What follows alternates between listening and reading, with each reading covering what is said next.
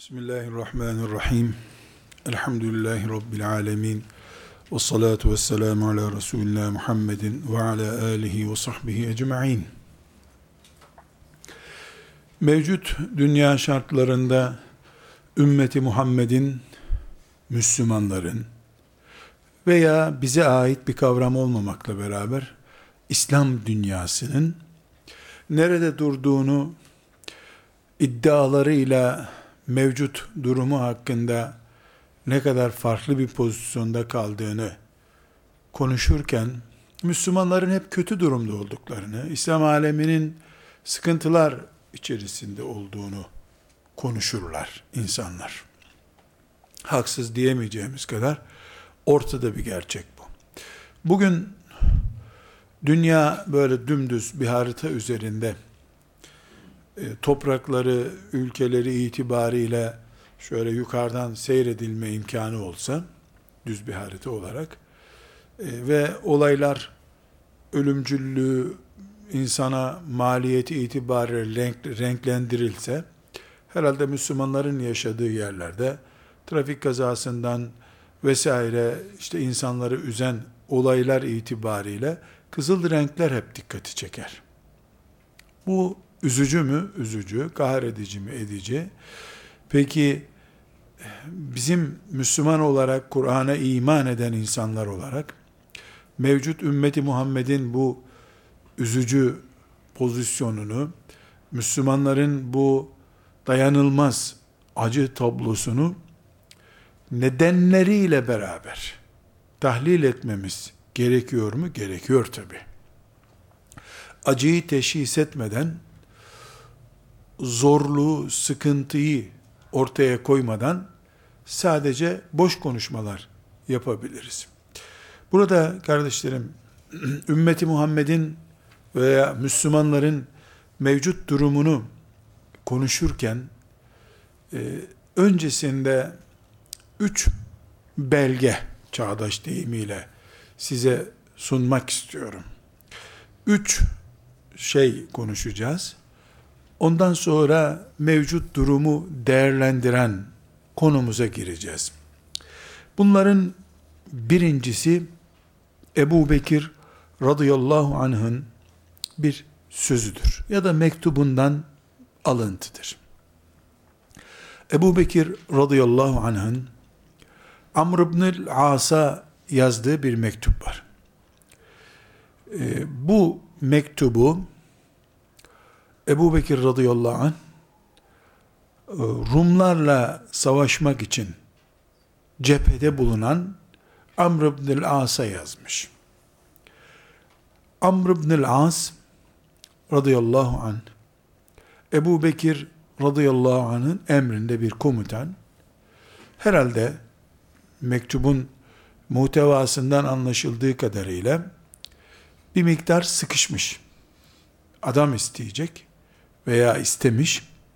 Ebu Bekir radıyallahu anh da ona cevap verir. Tabarani'nin El-Mu'camul Avsat isimli kitabında 8284.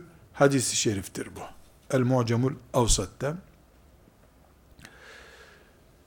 Bu mektubunda Ebu Bekir radıyallahu anh diyor ki, Amr, Resulullah sallallahu aleyhi ve sellemle biz cihad ederken kalabalık olduğumuz için zafer kazanmadık. Bedir'de kalabalık değildik biz. Binecek bir atımız bile yoktu. Bazı zamanlarda tek bir atımız vardı da onu da Resulullah sallallahu aleyhi ve sellem binerdi, biz yürürdük. Biz kalabalıklarla kazanmadık. Amr, sen kendin bil, yanındakilere de söyle, Allah'ın dinine hizmet etmek istiyorsanız, Allah'a isyan olacak şeylerden uzak durun. Böylece Allah'a yakın olun, Allah da size yardım etsin. Ebu Bekir'in özet olarak verdiğim mektubu Tabarani'nin El Mu'cemul Evsat'ında 8284 numaralı hadisi şeriftir. Bu birinci belgem. İkinci belgem Taberi'nin ve İbn Kesir'in Tarih isimli kitaplarında zikredilen kaynağı buralar olan bir e, belge. Halid bin Velid radıyallahu anh Rum diyarında Yermük'te savaşıyor. O esnada Faris ya da Pers diyelim modern adıyla topraklarında da cihat planları var. Oradaki krallara mektup gönderiyor. Bu mektubu onların savaş öncesi hani devletler birbirlerine ultimatum veriyor ya o tip bir ultimatum olarak görebiliriz. Halid bin Velid ne zaman verdi, nasıl verdi o önemli değil. Ee, Ebu Bekir radıyallahu anh kaç kişiye yardım istedi de kaç kişi verecek onun için konuşmadık onu. Ebu Bekir'in bir cümlesini aldık oradan. Ne dedi ona? Biz Resulullah sallallahu aleyhi ve sellemle beraberken kalabalık olduğumuz için zafere ermedik dedi. Binecek atımız bile yoktu diyor. Şimdi Halid bin Velid Fars kralına ultimatum yazıyor. Bu ultimatumunda diyor ki sizin sisteminizin sonunu getiren Allah'a hamd ederek başlarım. Bütün hileleriniz bitti. Söyleyecek sözünüz kalmadı sizin. Ya Müslüman olun ya da bize cizye ödeyin. Eğer Müslüman olmaz ya da bize cizye ödemezseniz Allah'a yemin ederim ki sizin yaşamayı sevdiğiniz kadar Allah yolunda ölmeyi seven bir ordu göndereceğim size. Diyor Halid bin Velid. Bu cümle almamız gereken nokta Halid bin Velid'den. Siz yaşamayı sevdiğiniz kadar Allah yolunda ölmeyi sevenlerden oluşan bir ordu göndereceğim size diyor. Halid bin Velid. Bu da ikinci notumuz. Üçüncü notumuz kardeşler, Sevban isimli sahabi, Resulullah sallallahu aleyhi ve sellem Efendimiz'den naklediyor. Hadisi şerif. Hadisin kaynağı Ebu Davud. Sahih bir hadis-i şeriftir. 4297. hadisi şeriftir. Ebu Davud'da.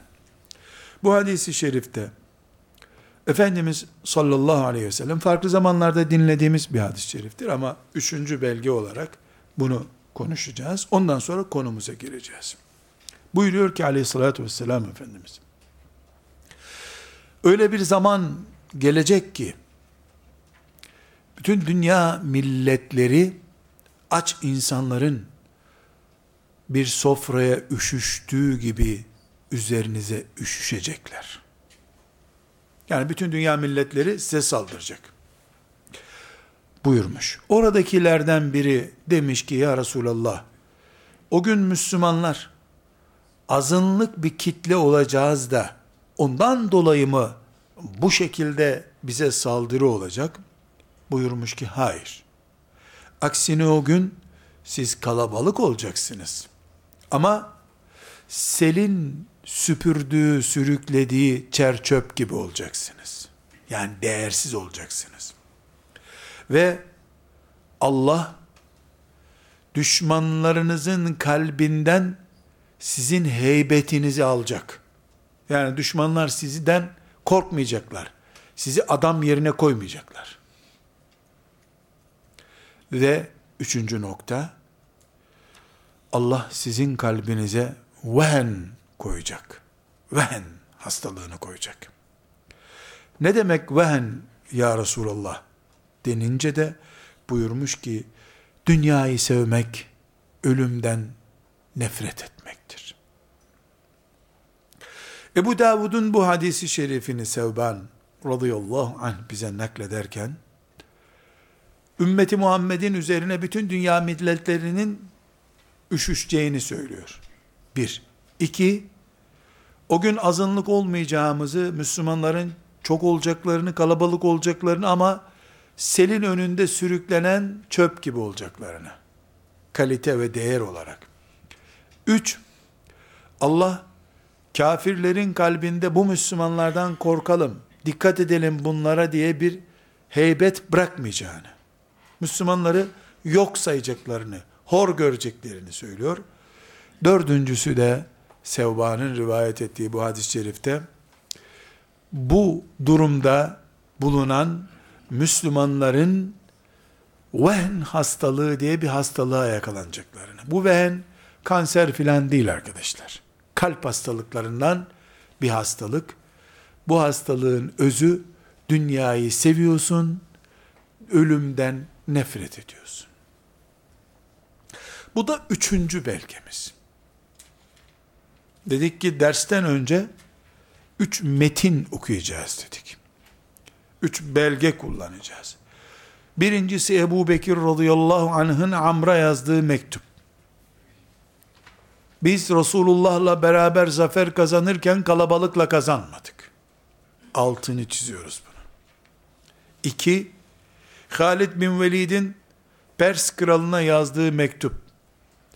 Teslim olmazsan sana bir ordu göndereceğim ki bu ordudakiler senin yaşamak istediğin kadar ölmek istiyorlar. Ölümü göze almak filan değil, ölümün peşinde koşan adamlar bunlar. Ölmek için yaşıyor bu adamlar. Sen ise ölmemek için yaşıyorsun. Üçüncüsü de ümmetin geleceğindeki bir tabloyu sözlerin en doğrusunu söyleyen Resulullah söylüyor. Sallallahu aleyhi ve sellem. Bu tabloda da ne anlatılıyor? Ümmetin gelecek günlerinde çer çöp konumuna düşmüş bir ümmet tablosu ama bu ümmet tablosunun çer çöp durumuna düşüşündeki sorun Ebu Bekir'in ve Halid'in mesajında yatıyor. Halid bin Velid ayaklarında belki de çorap dahi olmayan, kalabalık da olmayan, sıradan birkaç bin kişinin birleştiği, ölümden hoşlanan adamlardan oluşmuş ordusuyla imparatorluk tehdit ediyor. Çünkü ölümden hoşlanan insanlar, yaşamak isteyenlerden üstündürler sürekli. Yaşamak isteyen ölümden korktuğu için korkak, ürkek olmak zorundadır. O gün Halid bin Velid'in önünde çer çöp olmak zorundaydılar. Öyle oldu Rüstem nitekim. Tablo ters dönünce Ebu Davud'daki bu hadisi şerif bir mucize olarak karşımıza çıktı. Bugün kardeşlerim, ümmeti Muhammed'in mevcut tablosunu tekrar tekrar konuşmaya gerek yok. E ortada herhangi bir haber bülteni açıldığında ya ümmetin bütünüyle ilgili ya coğrafyasının bütünüyle ilgili münferit bir olay, genel bir olay, ümmeti Muhammed'in mevcut durumunu ortaya koyuyor. Bunu tekrar tekrar zikredip acıyı tazelemeye, yaradan kan akıtmaya gerek yok görüyoruz. Ama bu üç belgeden neydi, ne oldu ümmet? Mevcut nedirden nasıl tekrar eski haline gelirin formülü var. Bu formül çok açık ve seçik bir şekilde Resulullah sallallahu aleyhi ve sellem Efendimizin lisanından anlaşılıyor ki sorun dünya sevgisinden kaynaklanıyor. Çünkü dünyayı sevdin mi, dünyanın cazibesi rahatı sevdiriyor. Rahata alışanlar ölümden korkuyorlar. Ölmemek istiyorlar. Bu mantık Yahudilere aitti. Kur'an-ı Azimüşşan Yahudilerden bahsederken onlardan biri bin yıl yaşasalar doymazlar bu hayata diyor. Bin yıl. Bir insan bin yıl yaşasa kemikleri erir gider istemez böyle bir şey olsun. Yahudinin mantığı bu çünkü dünya onun son umudu. Son gemisi. Mümin böyle değildi. Böyle olmadığı için şehit olup Rabbine kavuşacağı yahut da rükûde secdede ölüp falan yerde ölüp Rabbi ile buluşacağı gün diye görüyordu ölümü. Ama Yahudi gibi dünyanın rahatlığı, cazibesi müminin kalbini işgal edince, Yahudi gibi bin yıl yaşamak istiyor. Bin yıl yaşamak isteyen de, her şeyden önce cihattan hoşlanmaz. Ve Allah'a davet diye bir derdi olmaz. Çünkü Allah'a davet meşakkattir. Kendi namaz kılıp rahat eder. Namaz kılıp cennete girmenin faturasını ödemiş olur. Başkasının namaz kılıp kılmadığı ile ilgilenmeye vakti olmaz. Faizin yayılması, yayılmaması diye bir derdi yoktur onun. Ben elhamdülillah faize bulaşmadım der. Dünyada rahatı ve dünyada kalmayı dolayısıyla tercih eden, helalin sınırlarını zorlayarak mal toplamak zorundadır. Çünkü yüzde yüz helalle dünyada ahım şahım denebilecek bir hayat yaşamak neredeyse zor, mümkün değil denecek bir olay. Helali zorlamak zorundadır. Helali zorladın mı da netice olarak Allah'ın rahmeti ve bereketinden kopuyorsun. Koptun mu? Rahmetinden, feyzinden, bereketinden uzak durduğun Allah'a gitmek için ölümü istemiyorsun. Ama Halid'in Paris, Fars'ın üzerine göndermeyi düşündüğü, sonra da Sa'd bin Ebi Vakkas'a nasip olan o ordudakiler, giderken gittikleri yerde Allah'ı ve cenneti bulacaklarını umdukları için hızlı gidiyorlardı. Ve netice olarak dünyada rahatı bozacak kimse o senin ürkütücü rüyandır. Düşmandır o. Rahatını bozacak şey eğer filanca gıdaya zam gelmesi, maaşının eksilmesi, işten atılmak, diplomanın kullanılamaması gibi şeylerse bunlar senin putundur. Bunun için Allah'la doyumlu bir hayata kavuşamayanlar diploma ile onu doldurmak isterler. Cihad ederek Allah için mallarını, vakitlerini, bedenlerini, sağlıklarını, çocuklarını feda etme zevkine kavuşamayanlar, onun yerine bir vakfa, bir gruba girerek oradaki bol vaatlerle, bir tür oraya rüşvet gibi bağışlar yaparak cennet vaatleriyle doyum sağlamak isterler. Doyum elde etmek isterler. Bunun için bizzat kendisi cepheye giderek değil, Filistin'e ufak tefek yardım göndererek cihatta aktif rollü Müslüman olma sevdasına kapılırlar. Bütün bunların temelinde hubbu dünya, dünyayı sevilecek, öpülecek, okşanacak Hacerül Esvet gibi görme hastalığı var demek ki. Bunu böyle görmeyenler azınlıkken çoğunlukları perişan ettiler. Ebu Bekir'den öğreniyoruz. Radıyallahu anh. Bunu böyle görmeyenler yani dünya sevilecek şey değil, Allah'a gitmek, sevgili olan Allah'a gitmek için aşılması gereken bir istasyondur diye görenler tehdit üstüne tehdit savurdular dünyaya. Koca imparatorlukları çocuk oyuncağı gördükleri savaşlarla devirmeye hazır oldular. Ama dünya cicileşince, yeşilleşince, tatlı olunca, bir kızın en büyük hayali gelinliğini arkadaşlara göstermek. Bir delikanlının en büyük hayali de diploma töreninde çektirdiği resmi büyütüp eve asmak olunca ki bu da bir süreçten sonra böyle oluyor. Neticede ümmeti Muhammed mevcut selin önünde sürüklenen saman çöpüne döndü. Hep Yahudiler işgal ettiği için, hep Abdülhamit döneminde başarılı bir siyaset yapılamadığı için diye baştan savup kabahati başkalarının üzerine yükleme mesajlarıyla geçiştiriliyorsa da bir milyarsa bu ümmet ben de bir kişiysem bir bölü bir milyar kadar sorumluluk en azından taşıyorumdur. Eğer camiden eve evden camiye giden bir Müslümansam Hayır. 2000 kişinin oturduğu bir mahallede cami imamı isem 2000 bölü 1 milyardır sorumluluğum o zaman. Bir okulda müdürsem, bir okulda din dersi öğretmeniysem, bir yerde filan şefsem ve oradan elimden 5000 kişi bugüne kadar geçtiyse 1 bölü 1 milyar değil 5000 bölü 1 milyardır sorumluluğum o zaman. Bu oranda vicdanı sızlamayanın Yahudilere lanet yağdırması, birleştirilmiş milletlerin üzerinden menfi propaganda yapmasının hiçbir manası yoktur. Melekler anlamaz bu edebiyattan. Çünkü melekler çok ötelerden, bizim karıncalardan daha küçük göründüğümüz yerlerden sahneyi topluca izliyorlar. Topluca izliyorlar.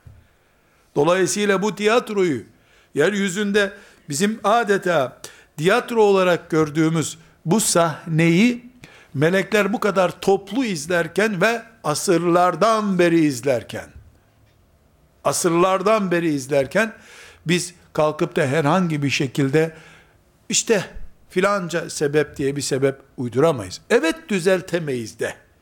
Biraz sonra göreceğiz. Bunu düzeltmek de mümkün olmayabilir. Ama ben bu yangına hiç olmasın bir bardak su dökmeye çalışmış biri olarak dirilirim. Rabbime de öyle kavuşurum. Vazifem benim düzeltip bitirmek değil, düzeltmek muradı ile yaşamaktır. Kendi imanım bile garanti değilken, bütün insanlığın ümmeti Muhammed'in projesini bitirmek gibi bir garanti nasıl gösterebilirim? Bu, ümmeti Muhammed'in mevcut durumunun altyapısı ile ilgili. Kur'an'ımızda, Tevbe suresinin 38. ayetinde kardeşlerim, bu biraz önce Ebu Davud'dan okuduğumuz hadisi şerifin etrafında konu olarak dönen bir ayet. 38. ayeti Tevbe suresinin. Bu Tevbe suresi dünya sevgisi demiyor, başka bir kavram kullanıyor. Biz şimdi çoluk çocuğu Allah'a adamaya gelince diplomanın engel olduğunu görüyoruz. Düğünün engel olduğunu görüyoruz. Vesaire iş yerinin engel olduğunu, askerliğin engel olduğunu. Bir yığın mazeret uyduruyoruz. Bunların toptanına Allah meta'u dünya diyor. Dünya metaı. Yani kökü dünyalık bir şeye dayanan herhangi bir çıkarınız sizin. Bu kavramı bakın Allahu Teala nerede kullanıyor? Euzu billahi mineşşeytanirracim. Bismillahirrahmanirrahim. Ya eyyühellezine amenu ma lekum İza kıyle lekumun firu fi sebilillahi ithaqaltum ila'l ard eraditum bil hayatid dunya fema meta'ul hayatid dunya fil ahireti illa qalil. Ey iman edenler! Kime hitap ediyor bu? Ey iman edenler! Melekum size ne oluyor ki? Nedir haliniz sizin?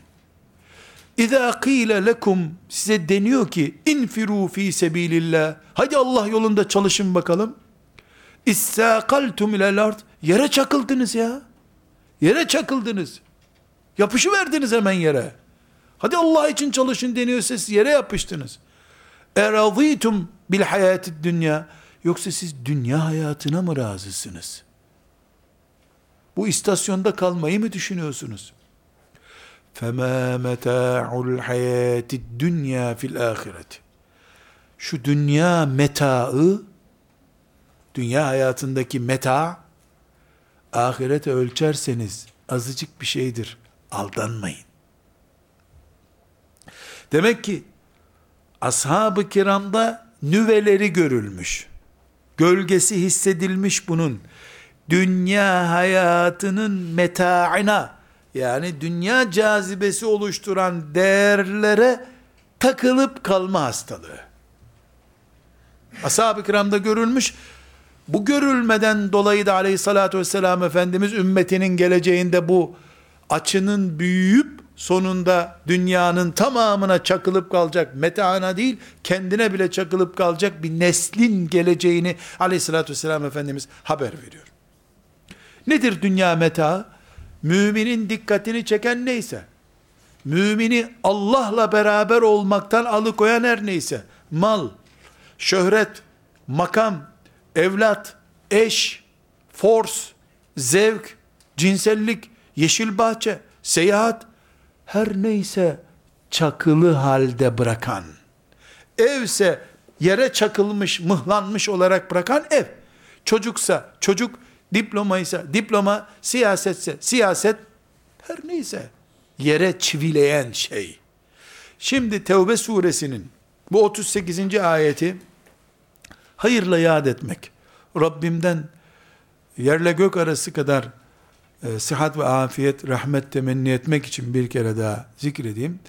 Yaşımın 7-8 olduğu yıllarda, yani neredeyse bundan e, hemen hemen 50 sene önce, Mahmut Usta Osmanoğlu Hoca Efendi'nin sabah derslerinde, tefsir derslerinde bu ayeti dinlemiştim. Allah ona rahmetiyle muamele buyursun, afiyetler ihsan etsin.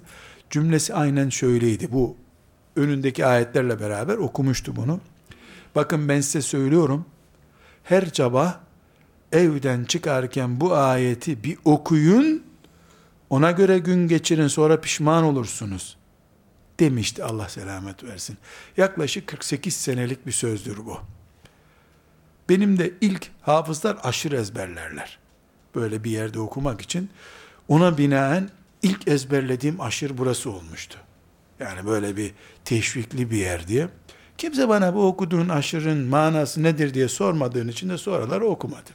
Yani bu aşır hep bir yer okunmak için Kur'an'dan okunduğu için işe yaramadı benim ezberlediğim aşır. Allah ondan razı olsun. Size tavsiyem her gün bu ayeti okuyun demişti sellemullah. Niye yere çakıldınız? Dünya hayatına mı takılıyorsunuz?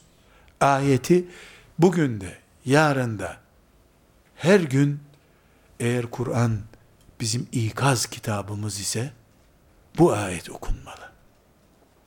Aksi takdirde yere çakılmak Karun gibi aşağı doğru batmaya dönüşüyor çünkü. Bu ayet şimdi niye Karun gibi bata bata devam ediyorsunuz dünyada diyecek hale geldi belki de. Bu sebeple bu 38. ayeti mesela e, Seyyid Kutup'tan okumak lazım. Seyyid Kutup'tan okumak lazım. Ama cihadı önüne gelen herkesi öldürmek olarak anlamamak şartı ile. Fıkıh öğrenen bir talebenin yaptığı da cihattır. Tesettürüyle İstanbul sokaklarında dolaşan genç bir hanımefendi de cihat yapıyor. İhtiyarlamış bir iş yapamıyor ama gece teheccüde kalkıp ümmeti Muhammed için dua ediyor. O da cihat ediyor. Cihadı bütün şumulu ve bütün genişliğiyle anlamak şartıyla. Ya eyyühellezine amenu ma lekum izâ kîle lekum unfirû fî sebîlillah ayetini bu mantıklı okumak lazım. Burada kardeşler, bizim o zaman iyi bir nefis muhasebesi yapmak ve bu ayeti her gün okuyup da bir şeyler anlamaya çalışmak e, gayemiz ise bir sorunun cevabını bulmamız lazım. Nedir o sorunun cevabı? Bu vehen, Resulullah sallallahu aleyhi ve sellemin vehen diye isimlendirdiği, özet olarak müminin dünyaya yapışıp kalması şeklindeki hastalık nereden kaynaklanıyor? Cevap çok asit. Dünya cazibesiyle kaynak. Daha önce hadis-i şerif okumuştuk. Efendimiz sallallahu aleyhi ve sellem ne buyuruyordu? Dünyanın size açılıp yeşilliğinin sizi aldatmasından korkuyorum anlamında ikaz etmişti zaten. Fakirlikten korkmuyorum. Dünyanın size eteklerini dökmesinden korkuyorum buyurmuştu. Sallallahu aleyhi ve sellem. Demek ki temel mantık arkadaşlar, ümmeti Muhammed'in bu hastalığa yakalanmasının temel mantığı dünya sevgisidir. Dünya sevgisi beraberinde bir sürtüşme getiriyor. Şimdi Kur'an ayetlerinden bu hastalıkların nedenini tahlil etmeye çalışalım. Ali İmran suresinin 160. ayeti çok net bir şekilde müminin Allah'a dayanması, Allah'tan başka şeyleri dayanılacak noktada görmemesi, buna tevekkül diyebiliriz. Buna Allah'la beraber olmaktan haz duymak diyebiliriz. 160. ayeti Ali İmran suresinin. Bu ayet kardeşlerim, Bedir ve Uhud'la ilgili konuların konuşulduğu ayetlerin arasındadır. Ya Bedir'i yorumluyor, ya Uhud'u yorumluyor, ya Bedir'i hazırlıyor, ya Uhud'u hazırlıyor. Uhud ve Bedir düzeyinde bir ayet bu. Bedir'e giden, Uhud'a giden ve Allah'ın elinin üzerinde olduğunu Kur'an'ın söylediği adamlara inmiş ayetler bu. İnşallah peşlerinden gitmek hasretiyle yaşayanlar olarak bizimle de ilgilidir inşallah. En az muktezası gerekir. Birinci konu mümin Allah'la beraber olacak. Allah'a tevekkül edecek. Elbette burada benim sebeplere tevessül etmek lazım, iletişimi iyi kurmak lazım, teknoloji. Ya böyle şeyleri konuşmaya gerek yok. Bunu geçti Müslümanlar. Yani teknolojiyi elbette Müslüman Kur'an'ı okumuyor mu? İddu lehum mestata'tum min kuvvetin. He. Sizin gücünüz üstün olsun. Allah buyurdu zaten. Bunu bir daha konuşmaya, edebiyat yapmaya gerek yok. Zaten mümin zayıf olamaz, pasif olamaz, teknolojide geri olamaz mümin. O ayrı bir konu. Biz bunun vehn hastalığı açısından ele almak istiyoruz. Vehn neydi? Kalp çökmüş, kalp. Allah kainatın sahibidir diye 5000 defa tesbih çekiyor. La ilahe illallah vahdehu la şerike le 3000 defa diyor günde. Amerika'yı yenebilir mi Allah diye sordun mu kaşlarını çatıyor. Teknolojisi çok üstün Amerika'nın nasıl uğraşacaksın diyor. Vahen hastalığı. Çökmüş kalplerin sarıklı, sakallı, çarşaflı bedenlerini taşıyoruz. Çökmüş kalplerle Resulullah sallallahu aleyhi ve sellemin huzuruna umre yapmak için çıkıyoruz. Çökmüş, çürümüş, kapakçığında sıkıntı olan kalplerle Beytullah'ın duvarına yanaştığımız için oradan bir enerji alıp geri gelemiyoruz. Ve Ali İmran suresinin 160. ayeti. İn yansurkumullah fela galibe. Size Allah yardım ederse sizi kimse yenemez. Ve in yahzulkum Allah sizi ezmek isterse, cezalandırmak isterse, men zellezi fe men zellezi yansurukum min ba'di. Allah'tan başka size kim yardım edebilir o zaman? Kimse yardım edebilir. Ve alallahi felletevekkel müminun. Müminler Allah'a tevekkül etsinler. Müminler Allah'a tevekkül etsinler. Demek ki Allah kendisine tevekkül edenler, sebepleri aldıktan sonra ben Rabbimle beraberim diyenler Allah'ın yardımını görecekler. Hadis değil, tarih kitaplarında zikredilen bir vaka olarak örnek anlat. Şam, bugünkü Şam, e, Halid bin Velid radıyallahu anh'ın elinde fethedilince oranın yerleşik Hristiyanları, Halid'i mahcup edecek bir işler yapmak istemişler. Sorular sormuşlar, cevaplar almışlar. Sonra demişler ki Halid'e, hem şimdi onlara bir hak tanımış burada vatandaş olarak yaşayabiliriz. Onunla da böyle laballik yapıyorlar. Sen Allah'a güveniyor musun? Güveniyorum demişler. Bu zehiri içer misin diye bir tas zehir göstermişler ona. Hani madem Allah'ın adıyla her şey sağlam, iç bakalım bu zehri demişler. Verin zehri demiş. Çok enteresan kardeşler. Almış tası, Rabbim demiş. Sırf senin dinin galip olsun diye bunu deniyorum, mahcup etme beni demiş.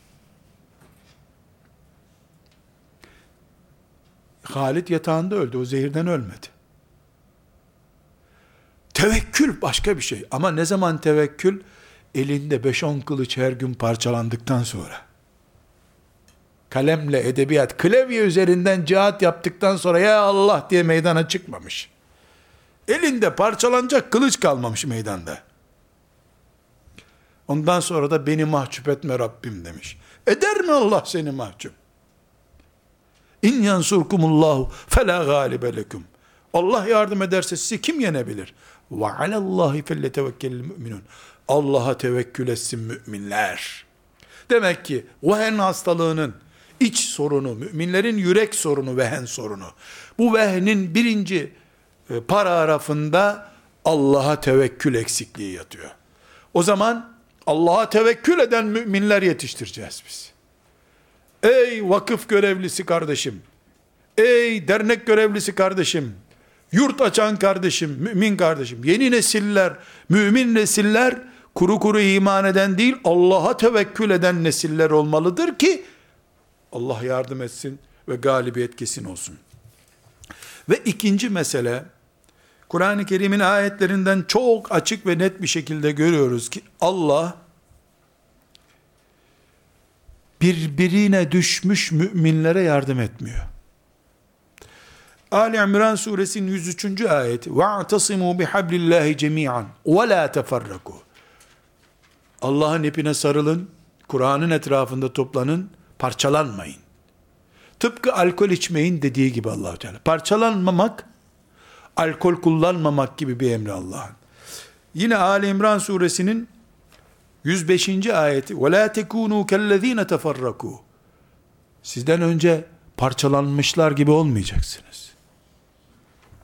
Ve Enfal suresinin 46.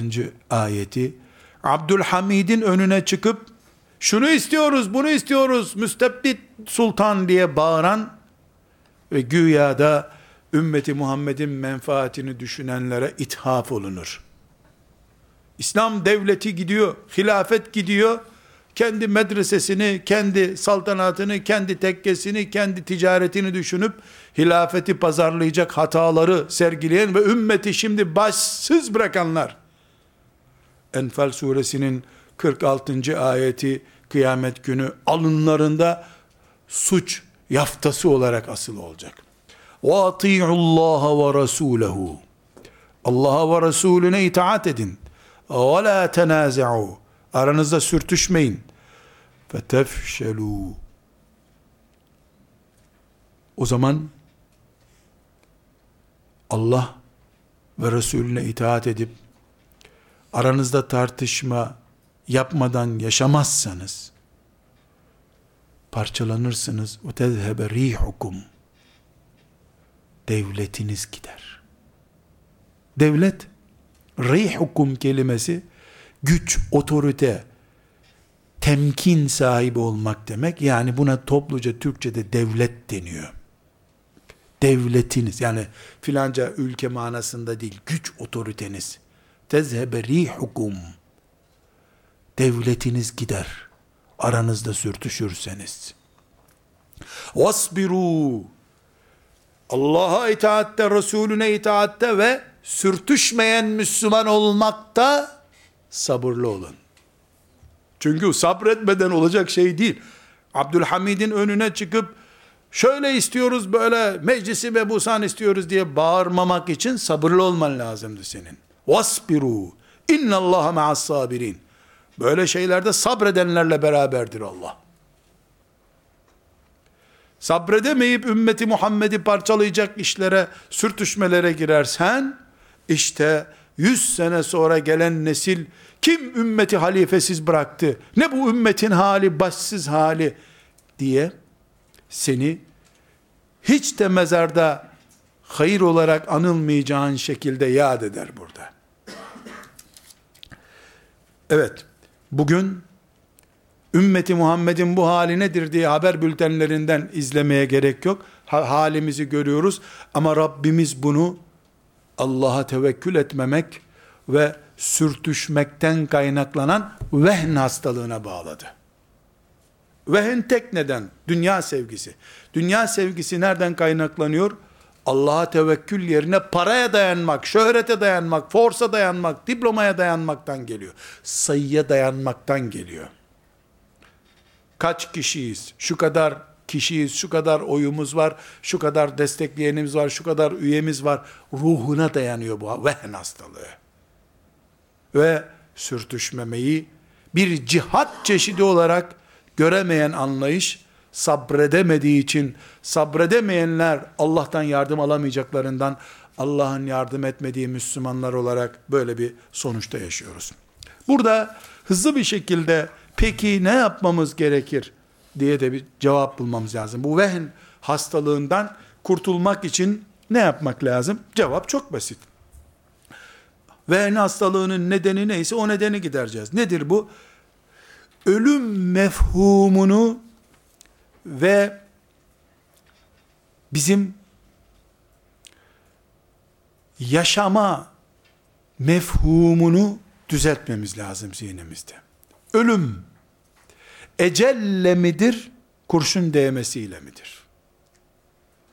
Allah ölüm günümüzü yazdı mı, yoksa ben şöyle yaparsam böyle yaparsam mı öleceğim?